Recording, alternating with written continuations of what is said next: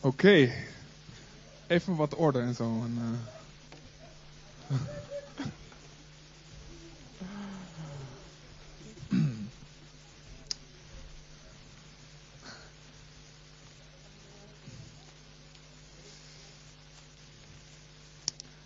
Amen, Heer. Oké. Okay. Um, lieve mensen, als we toch een uh, zwarte kerk gaan zijn, dan wil ik je vragen je Bijbel te pakken. En hem uh, dichtbij je te houden, te knuffelen, in de, hand, in, je, in de lucht te gooien of, of eventjes even stevig te pakken. Yes? En met mij te gaan staan. Ik zat net. Ja, even, heel even. Je mag zo weer zitten. ja, we wachten tot iedereen staat hoor. We, we doen rustig aan.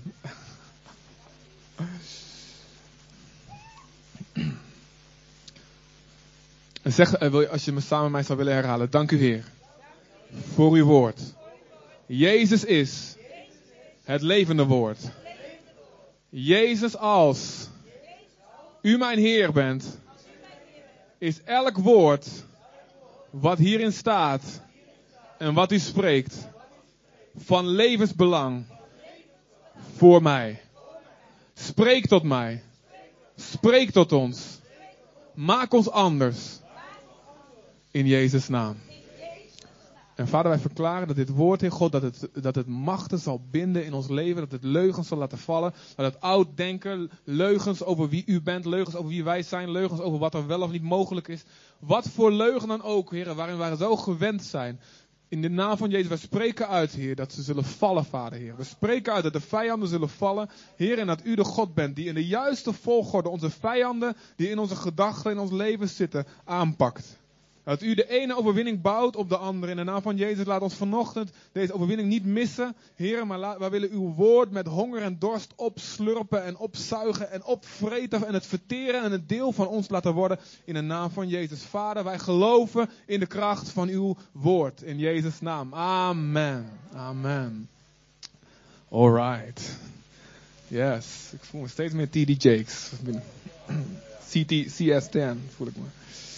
Oké, okay, uh, we gaan lezen in 1 Samuel 11. 1 Samuel chapter 11. Oké. Okay.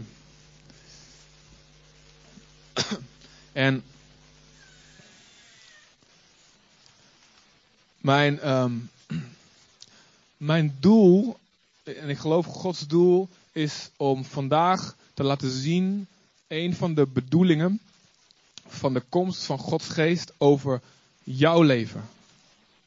Dus niet de komst van Gods geest over het leven van één persoon die aan de top staat of een klein clubje.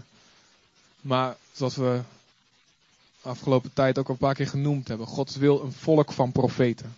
Amen. God wil niet één iemand die het allemaal weet, of twee, of, of zelfs niet tien. God wil een gemeente die vol is van Gods geest. Dus um, Al gaat het vandaag over één koning, op wie de, als een voorbeeld over wie de geest van God komt en wat er dan gebeurt. Laat dat niet in je gedachten zijn, oh dat is dus die ene koning daar vooraan. Nee, wij allemaal zijn op een bepaald gebied, zijn wij een koning, zijn wij iemand die vooraan gaat. In het ene gebied gaat de een vooraan, in het andere gebied heeft de ander, gaat de ander vooraan. Wij allemaal zijn geroepen om, om op deze manier de geest van God, zoals we nu zo gaan lezen, over ons te laten komen. En uh, het doel is dus gewoon jullie te laten zien wat er kan gebeuren. En geloof te gaan hebben. Dit is voor mij.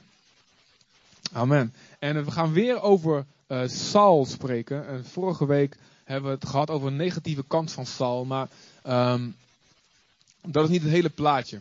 Saul begint met God. Saul begint aangesteld door God. En dit is het verhaal eigenlijk van zijn grote doorbraak, wat we nu gaan lezen. Um, hij werd door, Samuel gezalfd als koning. Eerst privé, niemand had het door, niemand wist het.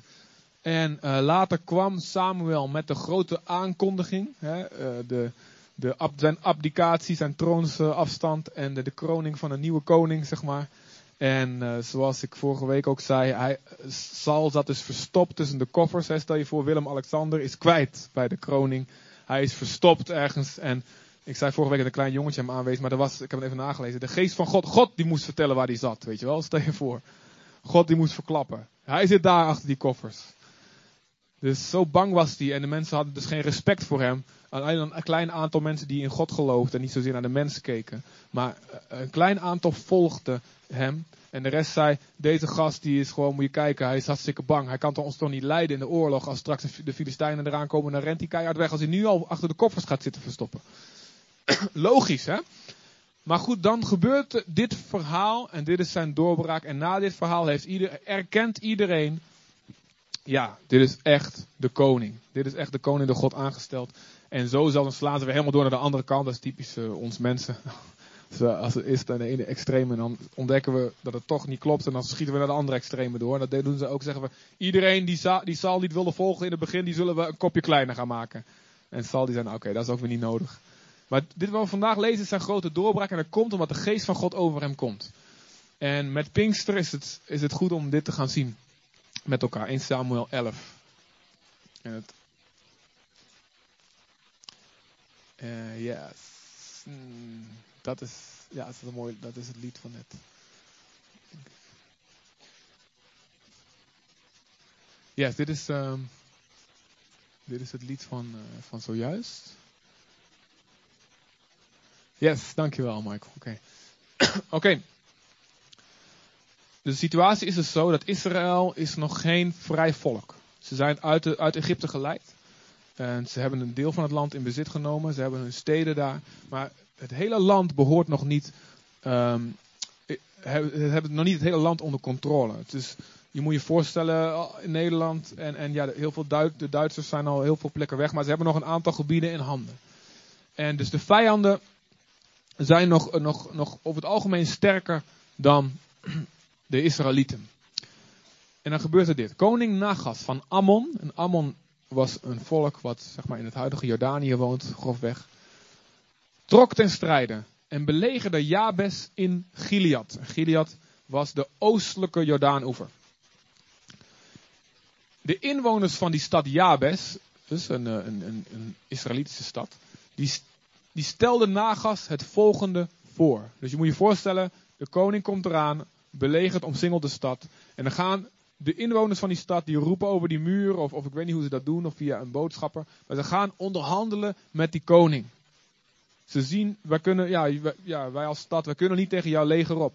Dus dan gaan ze hier onderhandelen. En dan zeggen ze, dus als u met ons een verdrag sluit, een verbond sluit, dan zullen wij ons aan u onderwerpen. Dus ze zeggen meteen, jongens, we, laat onze stad alsjeblieft niet met de grond gelijk gemaakt worden. Laat ons alsjeblieft allemaal in leven. Wij willen een verbond sluiten. Goed, antwoordde de koning Nagas. Op voorwaarde dat ik ieder van jullie het rechteroog uitsteek. Ter vernedering van heel Israël. Nou, wie lijkt dat een goede deal? Wie is er gehecht aan zijn rechteroog? Ja, misschien iets meer zelfs nog aan je linkeroog, weet je wel. Maar uh, ik weet niet of ik die deal ja, zomaar uh, daar heel erg blij uh, halleluja op zou zeggen. Dank u, wat een bevrijding hier. Dus ze, um, de vijand komt, valt aan en biedt vredesvoorwaarden uit, maar tegen een hoge prijs. Tegen de helft van je zicht, de helft van je visie. De helft van wat je kan zien. En tegen de prijs dat er schande komt over het hele volk. Over het volk van God. Toen zeiden de oudsten van Jabes tegen hem: Geef ons zeven dagen de tijd om boden, boden, boodschappers dus, het land rond te sturen. En als niemand ons komt helpen, dan zullen we naar u toe komen. En dan mag je gaan zitten prikken. Oké. Toen de boden van Jabes in Sauls woonplaats Gibea kwamen en vertelden wat er aan de hand was, begon de hele bevolking te weeklagen. En dat is dus, weeklagen is gewoon een luid gejammer. Ja, dat is echt ook een typische in het Midden-Oosten, kun je dat nog steeds horen. Saul, die juist met zijn ossen van het land kwam. Let op, hij is al gezalfd als koning. Hè? Maar omdat de helft, eigenlijk de grote meerderheid hem nog niet accepteert, is hij gewoon met zijn ossen bezig. Hij blijft trouw aan wat God hem gegeven heeft. Dat is heel erg mooi. Even tussendoor. Als je weet dat God je geroepen heeft voor iets groots, Ga niet meteen al het kleine en al het in jouw ogen onbelangrijke eh, wegschuiven. Ja, vanaf nu ben ik de grote rondreizende profeet, weet je wel. Nee, blijf bezig met het kleine waar God je toe geroepen heeft. Met het schijnbaar onbelangrijke. Juist als je daar trouw bent, zal God je voor meer kunnen gebruiken. Amen.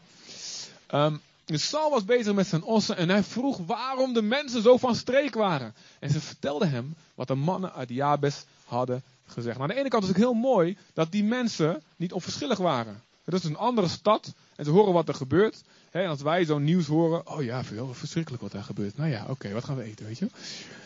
En, maar deze mensen, het ging hun echt aan het hart. Verschrikkelijk, weet je wel.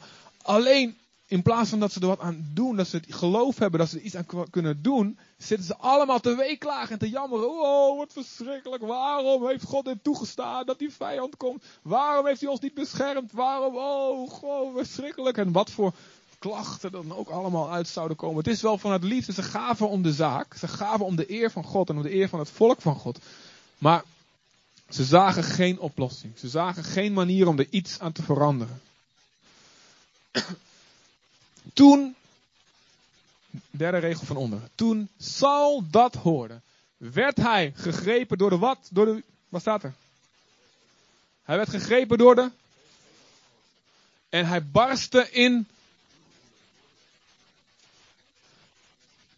Wacht even, de Heilige Geest, de vruchten van de Geest is toch zachtmoedigheid en, en, en, en liefde en geduld. En dat is ook helemaal waar. Ja? Dus uh, nou deze tekst niet zitten citeren als je thuis boos wordt, zeg maar, omdat iemand je kan afstandsbediening uit je handen rukt of wat. Daar, zachtmoedigheid en vriendelijkheid is absoluut een resultaat van de werken van de geest in je leven. Maar het is dus ook zo dat de geest van God, als die over je komt, dat dat een heilige woede, een heilige boosheid in je op kan wekken tegen het werk van de vijand in het leven van of jezelf of van anderen om je heen van wie je houdt. Amen.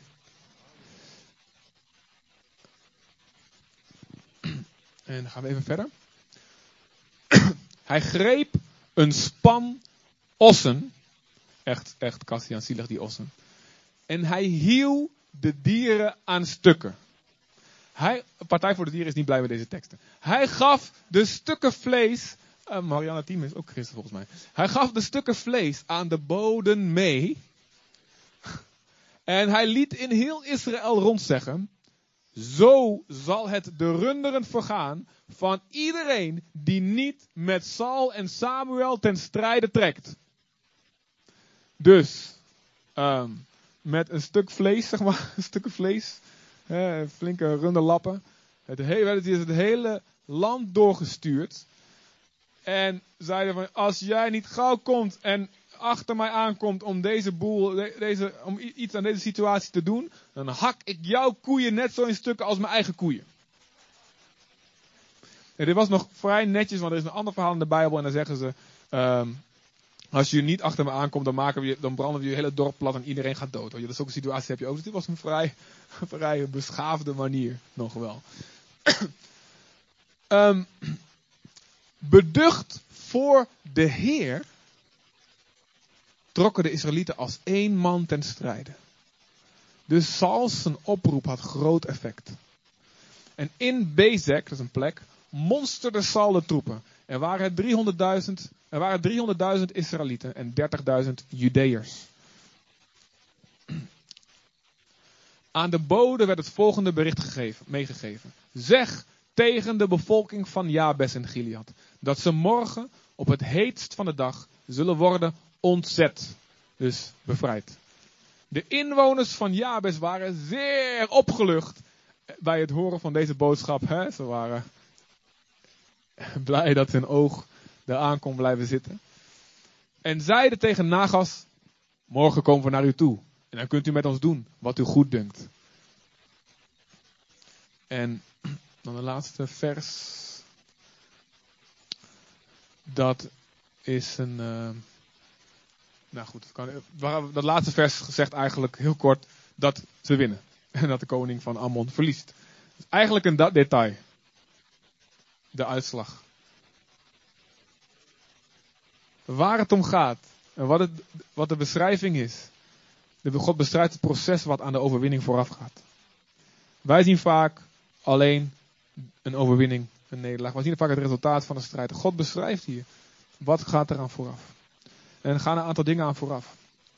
De vijand komt in ons leven.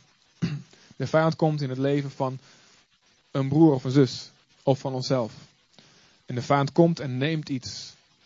Waar hij zegt dat hij recht op heeft. Maar God heeft een aantal beloften gegeven. Wie weet, wie weet samen met mij dat het woord van God vol zit met beloften van God. Waar we op mogen staan, waar we op, waar die mogen, mogen claimen. En, en wat best gek is, sommige dingen zijn best gek om te geloven en gaan totaal tegen je verstand, zijn helemaal contra-intuïtief, zijn helemaal, helemaal niet rationeel. Maar God zegt het en daarom geloof ik het. Goed, de vijand komt en de vijand bedreigt. En de vijand heeft al overwinningen gehaald bij anderen, heb je gezien. En de vijand omsingelt iets wat God toebehoort. En wat er vervolgens gebeurt, is wat we bij heel veel van ons zien gebeuren. En als je mij een beetje kent, dan weet je dat ik er vaker hierover spreek. Wat we heel vaak zien gebeuren, is we bieden vredesverdragen aan. We bieden aan om een verbond te sluiten met de vijand. We zeggen: Oké, duivel, je hebt me. Je hebt mijn gezin te pakken. Je hebt mijn financiën te pakken. Je hebt mijn emoties te pakken. Je hebt mijn vrede te pakken. Zeg maar, wat moet ik geven? Wat heb je nodig? Dat je bij me weggaat. Wat heb ik nodig? Wat, wat, wat, moet ik doen? Duivel. Wat moet ik doen, Satan, om, je, om jou tevreden te stellen? Dat je me met rust gaat laten. En dit is een normaal, dit is een normaal gang van zaken. Ik, zeg niet dat het goed is. Ik zeg alleen, dit is wat gebeurt. Dit is wat God beschrijft in zijn woord. En dit is wat hij zelfs begrijpt wat wij doen. Maar dit is iets wat God ons leert om niet meer te doen. En dit is wat dit verhaal ons leert. De geest, door de geest van God kunnen we dingen anders gaan. Dan als ze normaal gaan.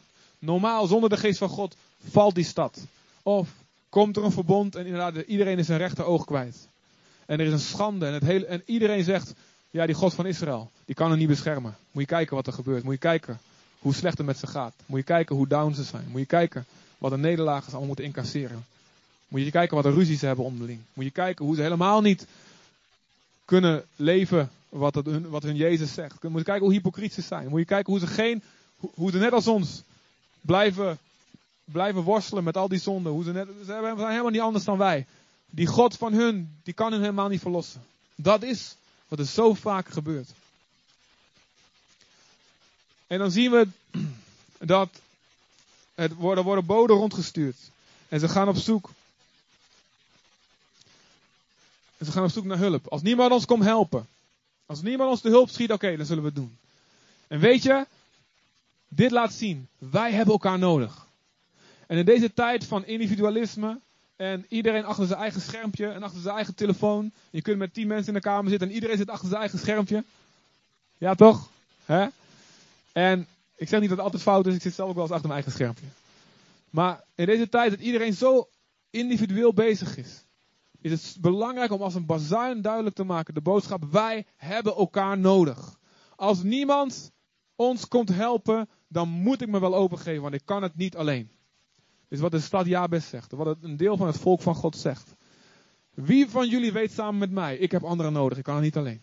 Als ik niet anderen in mijn leven had gehad, over wie de geest van God kwam, en die mij hebben laten zien hoe je bevrijd kan worden. En hoe het anders kan en welke belofte God geeft. Dan was ik, had ik me al lang overgegeven aan de vijand. Ik was mijn rechteroog, misschien mijn linkeroog, mijn neus, wat dan ook kwijt geweest. Aan de vijand. En ik zou niet meer kunnen zien wat God in mijn leven aan het doen is. En ik zou maar de helft van de dromen en van de visies die hij me gegeven heeft kunnen vervullen. Als niemand ons komt helpen.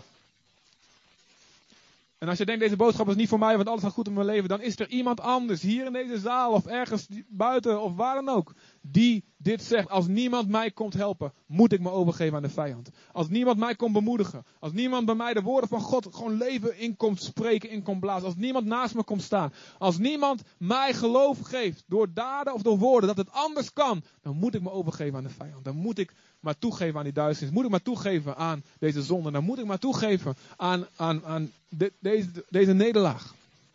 Wij hebben elkaar nodig. De Bijbel zegt, verzuim je onderlinge samenkomst niet. Dat is niet, zo, als je niet naar de kerk gaat, is dat zonde. Daar gaat het niet om. Het, spreekt gewoon over wat is wijs. Het is wijs om samen te blijven komen.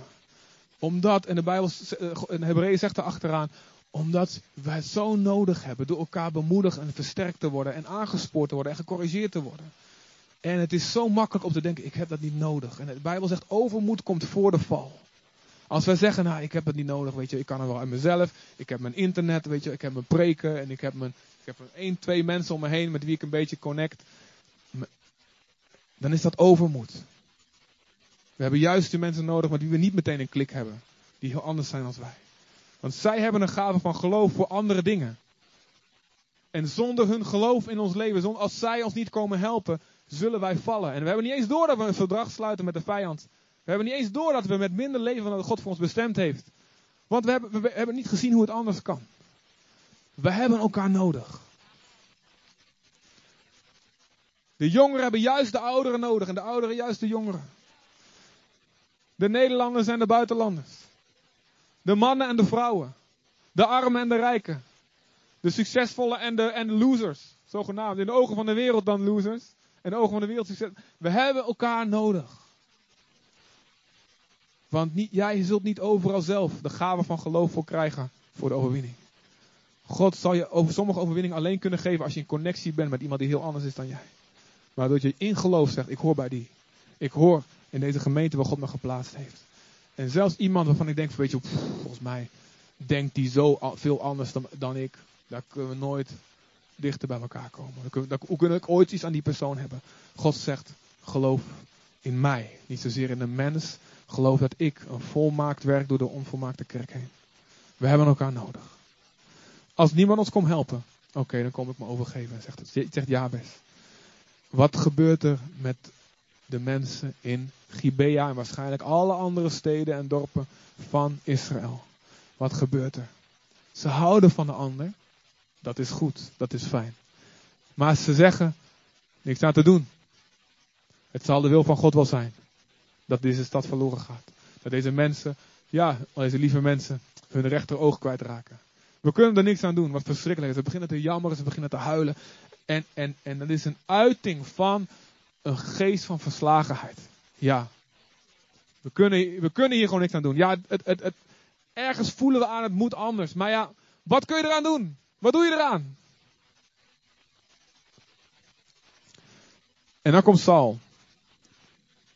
Nu nog in de geest. Hè. Later gaat het pas mis. Hier gaat nog echt goed. Het is een voorbeeld van hoe het wel moet. Dan komt Saul. En hij hoorde. Hij hoorde. En hij zag, hij hoorde van wat de vijand, waar de vijand mee dreigt. Hij hoorde de nederlaag die de dreig, dreigde, dreig, dreigde, droeg. Ik denk dreig. Zwijgen, zweeg, dreigde. Oké, dreigde. Ik ben. Ah. Ah, doe maar niet uit. Um, hij hoorde waar de vijand mee dreigde. En hij zag de verslagenheid bij iedereen. En weet je, een generatietje later, een paar jaar later is het David die deze geest heeft van, wat is dit? Waarom is iedereen zo verslagen? En was Saul degene die maar de vijand accepteerde. Want er stond een grote reus, Goliath, stond een volk van God uit te dagen. Denken jullie dat je mij kan verslaan? Ik ben 27 meter. Wat waarschijnlijk was hij 3 meter of zo.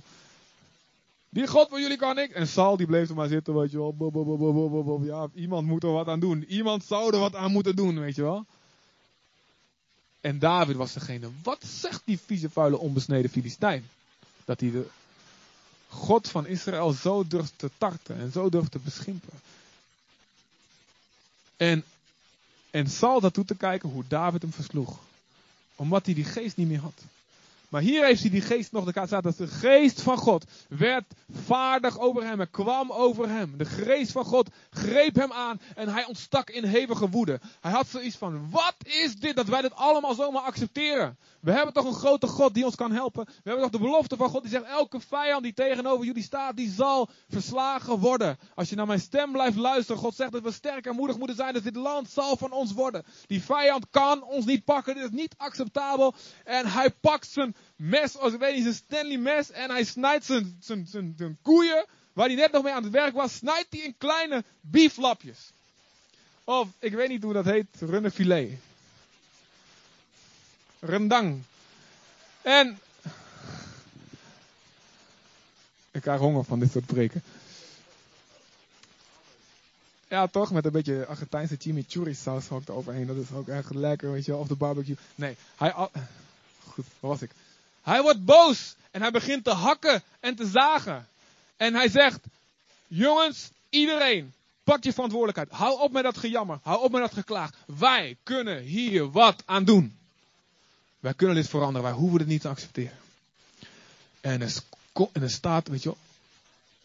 De, de schrik van God staat er beducht voor de Heer. Een soort angst, een soort, wow, een soort besef, ja, wij moeten hier wat aan doen. Valt over het hele volk. Iedereen komt achter hem aan en ze hakken die gas in de pan. Dat is het einde.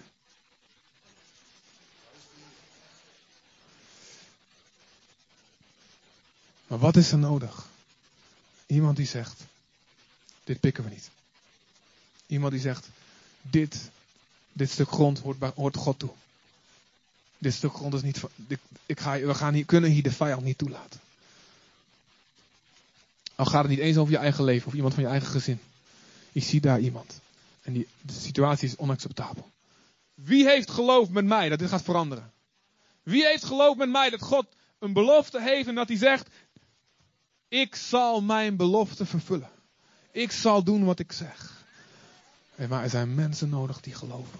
En die blijven geloven. En die blijven geloven. En die blijven geloven. Dat is het verschil tussen van voor en na Pinkster. Dat was het verschil bij Petrus. Weet je, Petrus heette eerst Simon. Dat, als je de Bijbel een beetje kent, hij wordt vaak nog Simon Petrus genoemd. Maar Simon, Shimon in het Hebreeuws, betekent iets als een riet. En ik weet niet of je ooit wel eens een riet gezien hebt. En ik bedoel niet zo eentje zo van uh, in je cola, weet je. Ik bedoel zo'n riet die in het water staat. En als het gaat waaien, wat gebeurt er met een riet? Doe allemaal even voor. Oh, ja, dus die waait met alle winden mee. En als het hard wordt, dan gaat die. Dus een riet is niet nou echt een bepaalde teken van stabiliteit, toch? En van, van betrouwbaarheid. Dus, en, en er staat ergens in de Bijbel, als je op een riet, als je daarop leunt, dan, dan knakt die om. Daar kun je niet op bouwen. En dan was Simon ook een beetje. Hij had een goed hart, maar hij deed gekke dingen. Hij was heel impulsief. Uh, weet je wel, hij ziet Jezus springt in het water en zo. Iedereen die gaat gewoon roeien en hij springt in het water. En, en hij had ook goede kanten, want hij, hij ging op het water lopen. Een andere keer. En de rest is dat een beetje zo te bibberen. Dus hij was positief impulsief. Hij zei, hij zei dingen zonder over na te denken. Weet je wel, zit je op een berg, zie je in één keer Jezus gewoon je maatje waarmee je tijd opstrekt. In één keer wordt hij helemaal wit. En dan zie je in één keer goddelijke verschijning. En je ziet Mozes en Elia zie je op de berg. En hij zei, hij begon wat te zeggen, eh, zullen we maar een tent bouwen? Weet je wel, en er komt een stem uit de hemel, houd toch eens je mond Petrus, weet je wel. Dit is, oh, oh ja, weet je wel. Dus hij was impulsief en hij deed van alles. En, en, toen, en hij zei, ik zal u nooit verraden, al iedereen zal u verlaten. Ik zal u nooit, ik zal het nooit doen. En weet je, tien seconden later, jij hoort ook bij Jezus, weet je, praat hetzelfde accent. Hetzelfde Twentse accent, of, of wat achterhoeks ding is. Echt niet! Echt niet! En hij doet, hij gaat wij meteen weer met die wind mee. Dat was Simon. En dat zijn wij ook zonder de geest van God. Maar Jezus zegt, ik weet, jij bent Simon. Maar ik zeg je vanaf nu, ik noem jou Petrus. Het was nog helemaal niet gerealiseerd, maar Jezus noemde hem al zo. En hij sprak met zijn woord, sprak hij iets tot leven. Wat later werkelijkheid zou worden. En Petrus betekent namelijk rots. Wat doet een rots als het heel hard gaat waaien? Doe even voor. Dat was mijn imitatie van een rots. Oké, oké. Doe even een rots na. 1, 2. Niet poepen. Wat is dat voor geluid?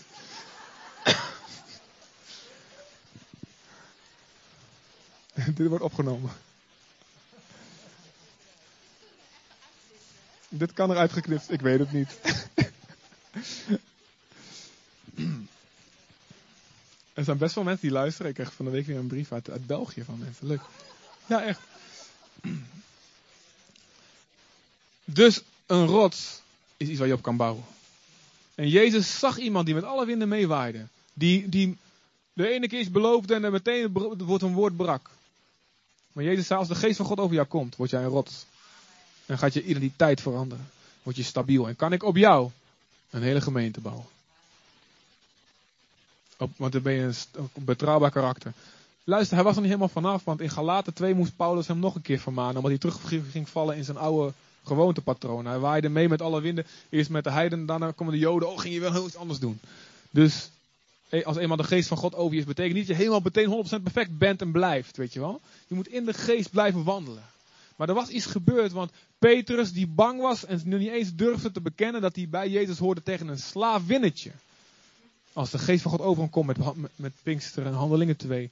Staat hij op. Zegt hij tegen de hele menigte van Joden. Zegt hij. Jullie hebben Jezus gekruisigd. Bekeer je. En 3000 mensen bekeren zich. En even, en, even later zegt hij. Jongen, ik ben niet bang voor, voor, voor, voor alle, alle religieuze leiders die tegen me inkomen. Hij verandert. Wie heeft er een verandering nodig? Net als ik. Van Simon naar Petrus. Herken je jezelf? Ik herken mezelf echt serieus. Als ik niet in de geest ben, als ik in mijn vlees ben, als ik in mijn angst, in mijn mensenvrees ben, ik waai met alle winden mee. Ik weet dat ik eigenlijk dit moet zeggen, maar ik zeg, oh ja, leuk, leuk. Oh. Zeggen, ja, ja, ja, Jezus is fijn, maar weet je wel, ja, Boeddha is ook fijn en alle godsdiensten. En ja, toch, ja, toch. En ik zeg, ja, ja, ja, ja, weet je wel. Dat ik van binnen weet, ik, nee, nee, nee, dat zeg ik nou niet meer, maar dat, die neiging heb ik wel. Die neiging hebben we allemaal. Om niet te staan waar we voor geloven. Om Jezus te verraden. Wat voor ogenblik dan ook. Maar als de geest van God over je komt. Dan is die angst voor mensen valt weg. Verdwijnt totaal naar de achtergrond. Dit is wat met Saul gebeurde. Luister, wat is. Wat zijn de dingen die we accepteren in ons leven?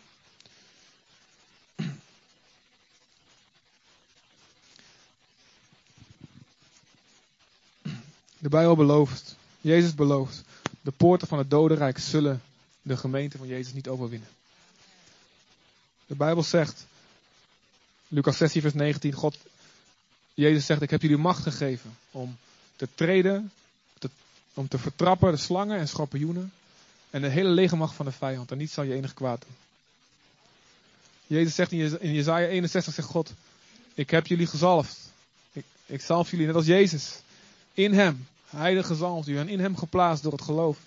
En jullie zullen bevrijding aankondigen van gevangenen.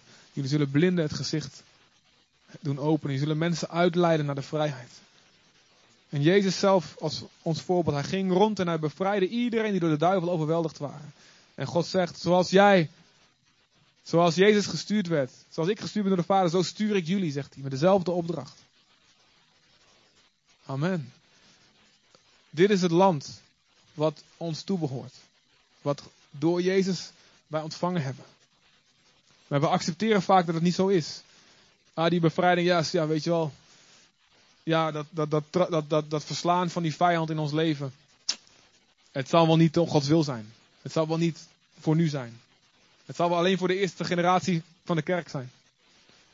En wat voor gedachten we ook hebben, we accepteren en, en we weeklagen en we jammeren en zeggen, oh hadden we maar overwinning. Waarom staat God dat toe? Als de geest van God over je komt, dan zeg je nee. We pikken dit niet. Dit kan anders. Wat belooft God nog meer? Dus de eerste overwinning over de duivel. Wat belooft God nog meer? Dat is echt niet alles wat ik ga noemen nou. Hoor. Ik noem gewoon een, greep eruit. Heilig, heilig leven. Het is mogelijk om zonde te weerstaan. Het is mogelijk om overwinning te hebben over elke zonde. Ik zeg niet dat je nooit kan, dat iedereen struikelt en iedereen valt. Absoluut. Maar het is mogelijk om zonde waar je steeds in vervalt en waarin Satan in je gedachten zegt van, daar zul je nooit vanaf komen. Het is mogelijk om daar vanaf te komen, absoluut. Het is mogelijk. Dit wil God, zegt 1 Thessalonicense 4, uw heiliging. Het, God wil het. God kan het. Jij kan het niet, ik kan het niet, maar God kan het. En vaak sluiten we maar verbond na Satan, weet je wat, oké, dit is gewoon te moeilijk om hier tegen te strijden. Dit is gewoon te moeilijk, ik stop ermee. Wat is, je, wat is de prijs? En je rechteroog wordt uitgestoken. Je visie halveert. En er komt schande over het volk van God. Want we geen overwinning hebben over onze tong, over onze seksualiteit, over onze, al die dingen. over onze hebzucht, over onze bitterheid. We hebben elkaar nodig.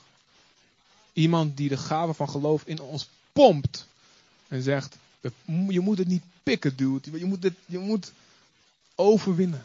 Je kan overwinnen.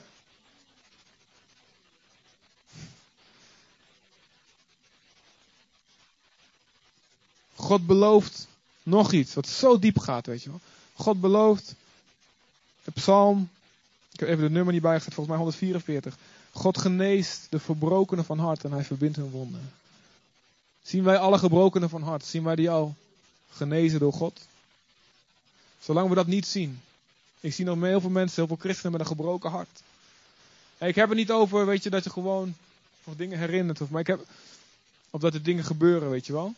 Maar ik heb het over dat mensen nog zo gebroken en verwond zijn. Dat het zo al hun hele leven, hun hele denken beïnvloedt. Dat ze niet goede keuzes kunnen maken. Dat ze God niet meer kunnen ervaren in hun leven.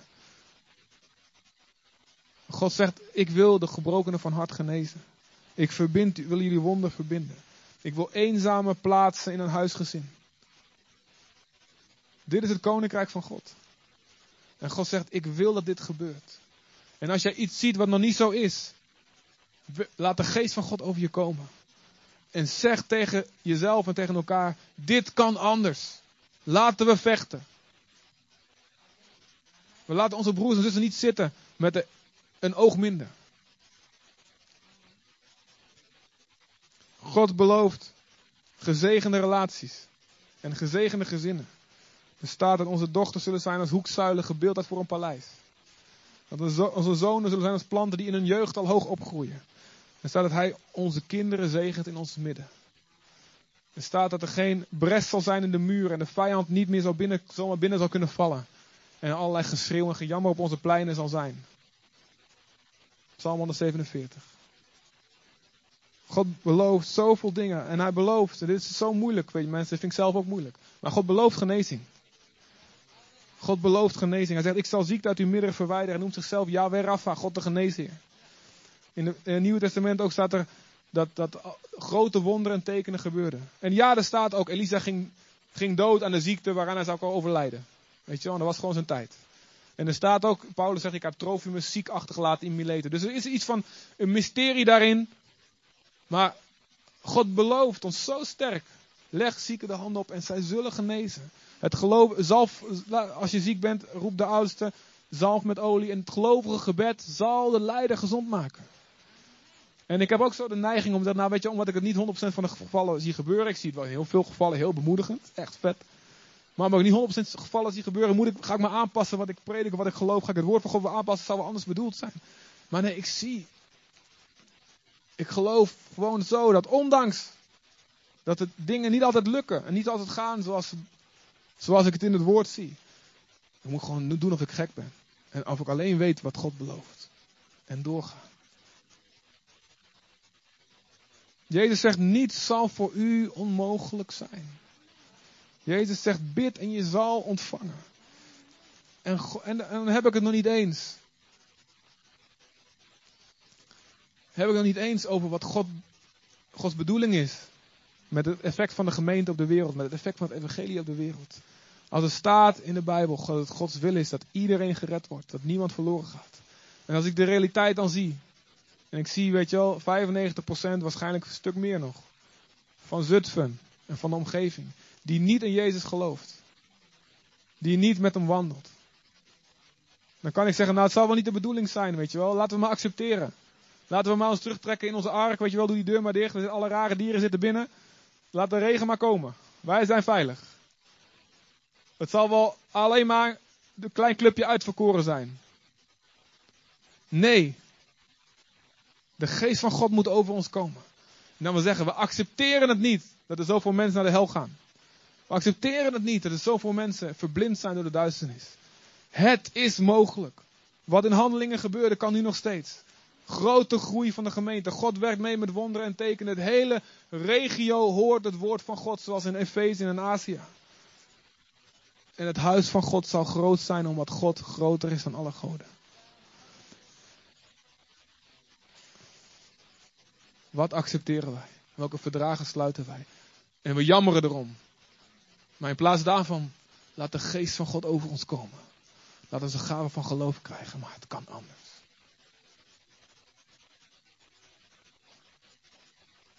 Amen, mensen.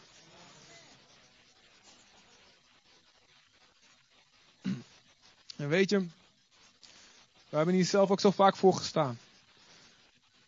Ze zeiden, er is niks mogelijk in Zutphen. Ze zeiden, weet je wel, zo, al die gemeentes die beginnen. Die gemeenten, die, die geestvervulde gemeentes, weet je wel. Die beginnen en dan stoppen ze, beginnen en stoppen ze, beginnen en stoppen ze. Het is harde grond, het is moeilijk. Echt waar hoor. En, en er zit al, weet je wel, Zutphen zit vol met allemaal satanisten en weet ik veel wat voor allemaal andere. Dat, dat lukt er allemaal hoor. Het is zo moeilijk en zo zwaar. En, oh, en ze zeiden, weet je oh, die, gemeente, nieuwe gemeente, weet je wel, Berea, die gaat, gaat toch vallen, weet je wel. Hij gaat, duurt niet zo lang. En we hadden een, een, woord van geloof. We hadden een woord van geloof. Een wijze beklimt de stad van helden en werd sterk op die vertrouwde er neer. Ook al is de stad een stad van helden. We gaan die muur beklimmen. Door het woord van God te doen, dat is wijsheid. En weet je, hier staan we.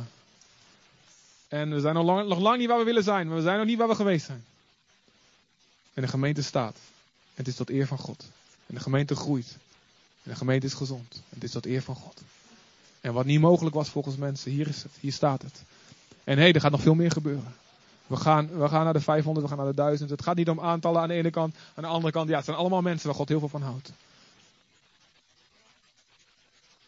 God is bezig zijn wonder te doen. En het komt omdat er mensen zijn nodig met een gave van geloof. Die zeggen, dit pikken we niet. Amen, toch? Je ziet onmogelijke situaties, dode situaties. Ik kwam op de battle. Mijn eerste werkdag, jongen. Ik schrok me echt. Het, echt niet, ik schrok heel erg. En, want er waren allemaal christelijke jongeren. En ze gingen allemaal, doken ze met elkaar de tent in. Ik heb het niet over getrouwde christelijke jongeren. En, en, en, ze, en ze allerlei middelen. En ze, en ze ruzieden en ze bekvechten. En ze, en ze vandaliseerden, ze sloopten de hele boel. En het was verschrikkelijk. Het was echt Sodom en Gomorra. Het waren allemaal christelijke jongeren. En, en, en ze zeiden, ja, maar is altijd al zo, weet je wel. Dat is gewoon, ja, dit is gewoon de jeugd van tegenwoordig, bla bla bla. En ik kreeg gewoon een gave van geloof, zoiets van, dit, dit is, nee, dit pik ik niet. En ik wil een klein groepje omheen verzamelen en zei, jongens, ik weet niet hoe, ik heb geen plan, maar God gaat opwekking geven. De boel gaat hier veranderen. En de mensen die geen geloof hadden, die werden door God als waren het huis uitgejaagd. Met die, met die opwekking van, van een van die jongeren in, door Jezus. Die, um... En de geest van God viel. En dat eerste jaar, eh, ja, ik denk dat jullie het verhaal een beetje kennen, weet je wel. Nee? Oké, okay, ehm, nou goed. Tweede weekend van de zomervakantie. En al die jongeren, die zitten, die, zitten, die zitten gewoon in een cafeetje. En, en ik zat thuis. Was wel goed hoor, goed van God dat ik thuis zat. Nou kan ik niet zeggen, kijk, het komt door mij, weet je wel. Het enige wat ik deed, is dat ik heb geloof geplant. Jongens, dit gaat anders. En in het weekend, ik was gewoon thuis in Deventer. En een aantal jongeren beginnen op een kamer te bidden. En de, de, de, de, Heilige Geest komt over die gasten. Ze beginnen in, in tongen te spreken, te profiteren. En eentje begint te lachen en had er nog nooit van gehoord, weet je wel. Ze begint te lachen tot, tot ochtends vroeg. En ze beginnen hun zonde te beleiden. En ze beginnen op een pakje sigaretten te dansen. En er komt echt wat in de Bijbel staat, weet je wel. Niet alleen kicks en, en, en, en, en buitenkant, maar echt een verandering van binnen. En de dag erna is die kamer te klein, want iedereen heeft ervan gehoord. Het is nog steeds weekend. Was zaterdag begon het, zondag de tweede dag. En bij iedereen gebeurt dat hij daar op die kamer zit. En op maandag kom ik daaraan en ik, wat is hier aan de hand? En iedereen die verrent op me af. Oh, je moet horen wat er gebeurd is. Allemaal jongeren hebben de Heilige Geest ontvangen, dit en dat. En ik heb die gasten meteen opgenomen in het jeugdleidersteam. En um, gewoon, ik heb daar een paar jaar achter elkaar. Gewoon, ja, ik zag mezelf als een beetje opwekkingsmanager, weet je wel? Gewoon de geest van God bewoog, beweegde, bewoog, bewoog. En, en, en ze stonden rijen dik en zonder te beleiden. Echt serieus. En het grootste probleem van die jaren was. En daarvoor moesten beheerders, de familie Hobeman, moesten twee, drie keer in de week moesten ze s'nachts hun bed uit. Omdat er weer dronken jongeren de boel aan het slopen waren op het terrein of wat dan ook. En het grootste probleem van die jaren was geluidsoverlast door biddende en zingende jongeren in, in midden in de nacht. Daar moesten we een geluidsdichte plek voor vinden. Dat was het belangrijkste probleem. Ze hoefden geen één keer eruit. Voor iets anders. Wat heb ik gedaan? Ik, ben echt niet, ik heb echt geen slim plan of zo met drie punten en allemaal wat organogrammen en al die dingen. Geloof. Nee, ik pik het niet. God gaat, God gaat het anders doen. Dit hoeven we niet te accepteren. Dit hoeven we niet te accepteren. En soms doet het pijn, weet je. De dokter zei in 2005. Nee, 2004. In hetzelfde jaar dat die opwekking viel trouwens. Zei dat wij geen kinderen konden krijgen. En die zei van, nou, weet je wat, bereid je er maar op voor. Als het dan lukt, duurt het heel erg lang. En ik, had, ik begon te weeklagen en te jammeren. En dat natuurlijk ook, maar... Ik het nog meer meeste. Oh, wat is dit heer? Oh. En toen heeft God me gewoon geloof gegeven. Luister, ik ken mensen die ook hebben tot de dag van vandaag geen kinderen. En ze dienen echt God. Het ligt niet aan hun geloof of wat dan ook, weet je wel. Maar ik voelde gewoon van, dit klopt niet. Dit is niet wat God wil voor ons. En ik, we eerst gaan heel graag gaan jammeren. God heeft heel veel gedaan in ons karakter. Met name bij mij. Natalie's karakter. Nathalie is bijna is heel erg lief geboren. Veel liever als ik. Maar voor mij was veel werk te doen. En God heeft heel erg gebruikt. Beproeving, moeilijkheden. Niet vragen. En mijn weeklaagte en, mijn jammer is echt flink opgestegen. Ik heb de bossen echt plat gelopen met God en zei, Heer, dit is dit nou. Ik dien u. Geef alles. Weet je wel? En moet je kijken, dit is dan niet de bedoeling. En, want God had gesproken, nu kinderen. Echt. En dan, dan zegt hij, nu kinderen. Nou, hij zei het niet zomaar, gewoon een korte samenvatting. En dan kan het niet. Waar slaat het op? En hoe is het? Weet je wel? Ik heb maanden rondgelopen met de Heer. En toen, ben ik tien toen las ik in de Bijbel, Daniel ging drie weken vasten. En in de zin, hij ging geen vlees eten en geen smakelijke spijzen staat. Dus toen zei ik, dat ga ik ook doen. En aan het, aan het einde van die drie weken kwam er een engel en die zei, drie weken geleden, meteen toen je begon, heeft God je gebed al verhoord. Maar het duurde drie weken voor ik door die geestelijke tegenstand in de lucht heen was, voor ik jou kon bereiken met deze boodschap. Dus na drie weken vasten, op die manier, dus geen chocola en al die dingen, weet je wel, geen risoles. Gewoon alleen het basis eten. Is er een onderzoek in het ziekenhuis en die dokter die valt van zijn stoel en zegt je bent zwanger. We zagen zo'n cirkeltje op de echo. Kon niet hè, kon niet. Als het al zou lukken, jaren, jaren, allerlei behandelingen. Zo'n cirkeltje. Was Jeremy Tam. En, en, en, en hoe oud is het? Ja, is drie weken.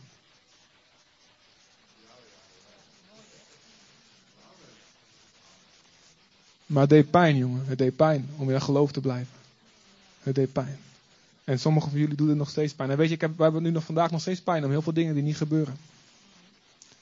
Het is echt niet zo van, weet je wel, ik vertel even een succesverhaal, halleluja, handje klap, weet je wel. Dit is echt onze dagelijkse realiteit, ook vandaag nog. En ik weet van jullie allemaal.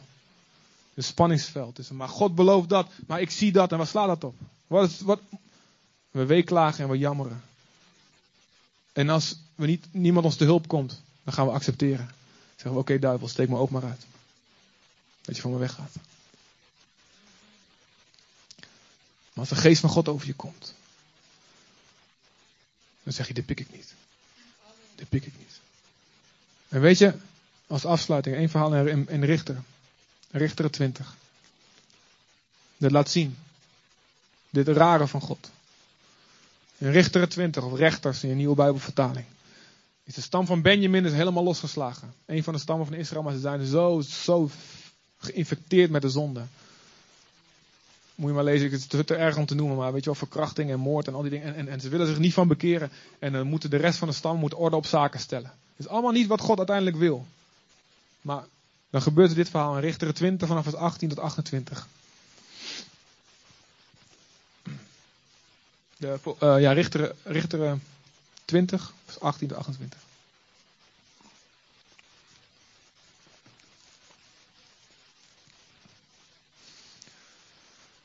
Dus, dus, eigenlijk een burgeroorlog. Elf stammen tegen één. Voor de aanvang van de strijd gingen de Israëlieten naar Bethel om God te raadplegen. Wie van ons moet als eerste oprukken tegen de Benjaminieten? Juda, antwoordde de Heer. De volgende morgen vroeg sloegen de Israëlieten hun kamp op bij Gibea. Ze rukten uit tegen de Benjaminieten en stelden zich in slagorde op om de stad aan te vallen. Het leger van Benjamin deed een uitval vanuit de stad en doodde die dag 22.000 man van Israëls leger. Wat? God zegt, ga, ga de strijd aan. God zegt zelfs, Juda moet eerst. Wat gebeurt er? Ze verliezen.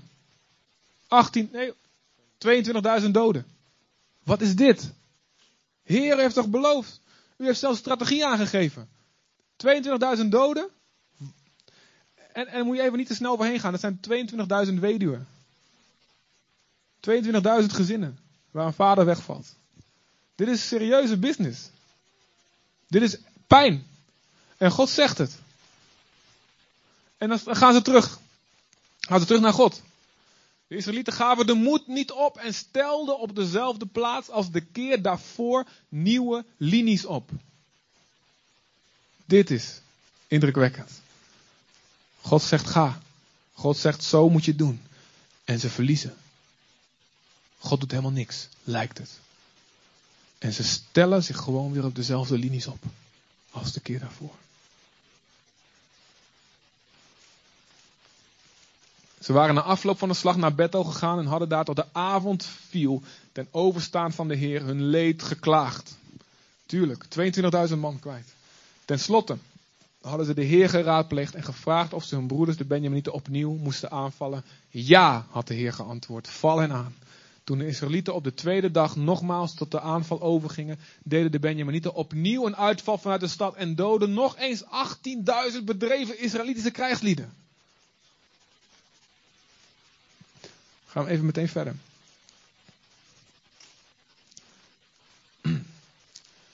Daarop ging het voltallige leger van de Israëlieten naar Bethel. Dus was op dat moment de plek waar het huis van God was. Ze vasten de hele dag en klaagden op grond, op de grond gezeten hun leed en overstaan van de Heer. Toen de avond was gevallen, brachten ze de Heer brandoffers en vredeoffers. Daarna raadpleegden ze de Heer. De ark van het verbond van God bevond zich in die tijd namelijk in Bethel. En de priester Pinegas, die een zoon was van Eleazar, de zoon van Aaron, deed er dienst in het heiligdom. Moeten we onze broeders, de Benjaminieten, nog een keer aanvallen of moeten we het opgeven? Vroegen ze de Heer. En de Heer antwoordde, val aan, morgen lever ik hen aan jullie uit. En de dag erna winnen ze. Oké, samenvatting. God zegt, doe dit. God belooft, dit gaat gebeuren, jullie gaan winnen. Ze gaan, ze zijn gehoorzaam. Ze doen het. 22.000 man dood. En de meeste van ons, en ik ook, weet je wel, zouden zeggen, oké, dit was gewoon niet van God. Dit woord wat hier staat, ik bid voor genezing. God zegt, leg zieken de handen op en ze genezen. Wat? Wordt alleen maar erger. God zegt, Ga de strijd aan tegen die zonde. Ga de strijd aan tegen die onreinheid. Ga de strijd aan tegen die problemen in je relaties. En het wordt alleen maar erger. Wat zeggen we dan? Ja, de woord van God, daar is vast iets mis mee. Ik, het zal wel niet kloppen wat God belooft. Hier staat. Ze weeklaagden, ze jammeren. Dat moet je natuurlijk doen als je verliest. Je moet gewoon je hart. Niet heiliger zijn dan de paus, of hoe heet dat? Van Roomse dan de paus. Weet je, wees eerlijk. Maar wat ze doen, ze gaan terug naar God. Heb ik het goed verstaan, Heer? En God zegt ja. En nog een keer verliezen ze. Nou, dat, dan geven wij het allemaal op. Na twee keer. Maar ze gaan terug, wat na, ze raadpleegden de Heer. Als jij, als God je zegt, ik wil je overwinning geven. En je verliest en je verliest en je verliest en je wordt teleurgesteld. Blijf je de Heer raadplegen? Of trek je je eigen conclusies? Het zal wel niet van u zijn. Jezus, Lucas 18, vers 1. Hij sprak een gelijkenis met het oog daarop dat zij altijd zouden bidden en nooit zouden verslappen. Colossense, volhard in het gebed. Wees daarin waakzaam. Krijg je alles wat je bidt? Jezus zegt bid en je zal ontvangen. Klop en je zal open gedaan worden. ieder die bidt ontvangt. Luister, bid naar Gods wil. Hè? Dingen die in zijn woord beloofd worden. Maar krijg je het meteen? Nee. Duurt het lang? Vaak? Ja. Duurt het vaak zo lang dat het zo verschrikkelijk pijn doet? 18.000 doden? 22.000 doden? Dat je denkt, dit is gewoon niet normaal. Ja. En velen van jullie kunnen met mij erover meepraten. Maar God zegt, Stel jezelf weer op in dezelfde positie als gisteren.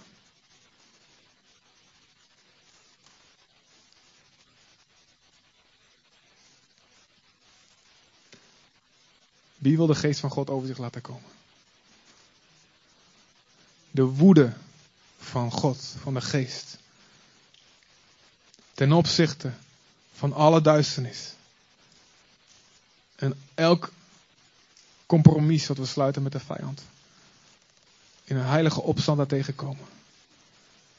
Jij hoeft het niet te doen. Wat je mag doen, wat je moet doen is geloven. En blijven geloven. En geloven tot het pijn doet. En pijn doet. Maar God zegt, dat is wat ik nodig heb. Ik zal het doen. Maar blijf, blijf, blijf staan. En je vragen om gewoon even je ogen te sluiten. Om te gaan staan. En begin maar gewoon met wat moois spelen. Vader, in Jezus' naam, Vader God, u kent al deze mensen hier, God. U kent alle mensen die luisteren via internet, Vader. U, weet, Heer, waar we in zitten. U weet de beloften, Heer, die we nodig hebben. U weet, Heer, de problemen, de uitdagingen. U weet, Heer, de koning van Ammon die onze stad omsingelt, Heer. Die alles wat ons dierbaar is omsingelt, Vader. Die mensen om ons heen omsingelt. Nu weet vader dat velen van ons hier al hebben aangeboden. Oké, ik betaal de prijs wel dat je bij me weggaat, duivel. En ze hebben compromissen gesloten en zijn hun zicht al kwijtgeraakt hier. Als niemand mij kon helpen, hebben ze gezegd. En niemand kwam hun helpen en ze hebben zich overgegeven. We hebben niet goed voor elkaar gezorgd. Heer, en de vijand die regeert nog in zoveel gebieden. De vijand regeert nog in zoveel situaties, Heer. Oh, laat de geest van God over ons komen, Heer. Laat de geest van God over ons komen. Je wil je vragen om het zelf gewoon je eigen woorden te zeggen. Hardop of, of voor, je, voor jezelf, maakt niks uit. Maar ik zeg tegen hem, geest van God. Kom over mij, kom over mij, kom over mij. Laat me kijken met uw ogen. Geef me geloof, geef me geloof, geef me geloof. Geef me geloof. Misschien geeft God het geloof wat jij nodig hebt voor jouw overwinning. Niet aan jou, maar aan iemand anders. Met wie je in connectie moet zijn. In deze gemeente. Misschien een andere, iemand ver weg. Een gelovige. En geef God jou de gave van geloof voor iemand anders hier, niet eens voor jezelf. En daarom is het nodig dat jij hier een betrokken lid, een deel bent van deze gemeente. Zowel voor jezelf als voor anderen. Maar God, geef me de geest, geef me de geest. Oh, laat de geest van God me aangrijpen, aangrijpen. Laat de heilige woede van de Heer komen over elke situatie waarin de duisternis regeert. Laat de heilige woede van me komen en dat we niet meer accepteren echtscheidingen, en overspel. Dat we niet meer accepteren kinderen en tieners die weggaan bij de Heer. Dat we niet meer accepteren ruzies die niet opgelost worden. Bitterheid die blijft voortwoekeren in harten. Dat we niet meer accepteren dat mensen God niet zien door ons heen.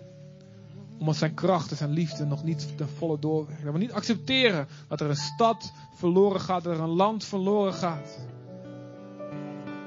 Terwijl de kruisen en de kerken overal in elke straat te zien zijn en ze gaan verloren. En het was zo dichtbij. In Jezus' naam, we accepteren het niet langer. Laat de geest van God over ons komen. laat er een heilige oorlog, niet tegen mensen, maar tegen het kwaad. Laat er een heilige oorlog ontketend worden. En ik wil je vragen voor jezelf, nodig de geest van God uit. Nodig hem uit, nodig hem uit. Strek je handen uit. Zeg ja Heer, ja Heer, ik wil die geest, ik wil die geest, ik wil die geest. Maak me van een Simon en Petrus. Maak me van een Riet en een rots. Jezus, Sandra, Rimo, Boshita, la Matsula. Oh Jezus, Jezus, Jezus, Jezus. Kom, Heilige Geest, Heilige Geest, Heilige Geest. Kom in ons midden, kom in ons leven, kom in ons leven, kom in ons. Geef ons ogen van geloof, oh Jezus, Jezus, Jezus. Oh Jezus, Jezus, Heer. Oh Heer. Misschien betekent het weer dingen. Weer dingen die je geaccepteerd hebt. Weer God gaan raadplegen. Is het wel goed dat ik dat geaccepteerd heb? Is het wel goed dat ik die ziekte geaccepteerd heb? Is het wel goed dat ik die armoede geaccepteerd heb? Is het goed, Heer, dat ik die een gebroken relatie geaccepteerd heb? Of wilt u iets anders? Ik raadpleeg u, Heer, als mijn hart gebroken, al ben ik 22.000, 18.000 man om me heen kwijt. God, Heer, Jezus, ik raadpleeg u. Ja, ik weeklaag, ik jammer, maar ik kom bij u. En als u zegt, ga en trek op. Ik zal de vijand aan je geven. Dan ga ik, dan gaan we, dan gaan we, dan gaan we, dan gaan we. Oh Jezus. Bid voor je kinderen. Bid voor je broers en zussen. Bid voor je familie.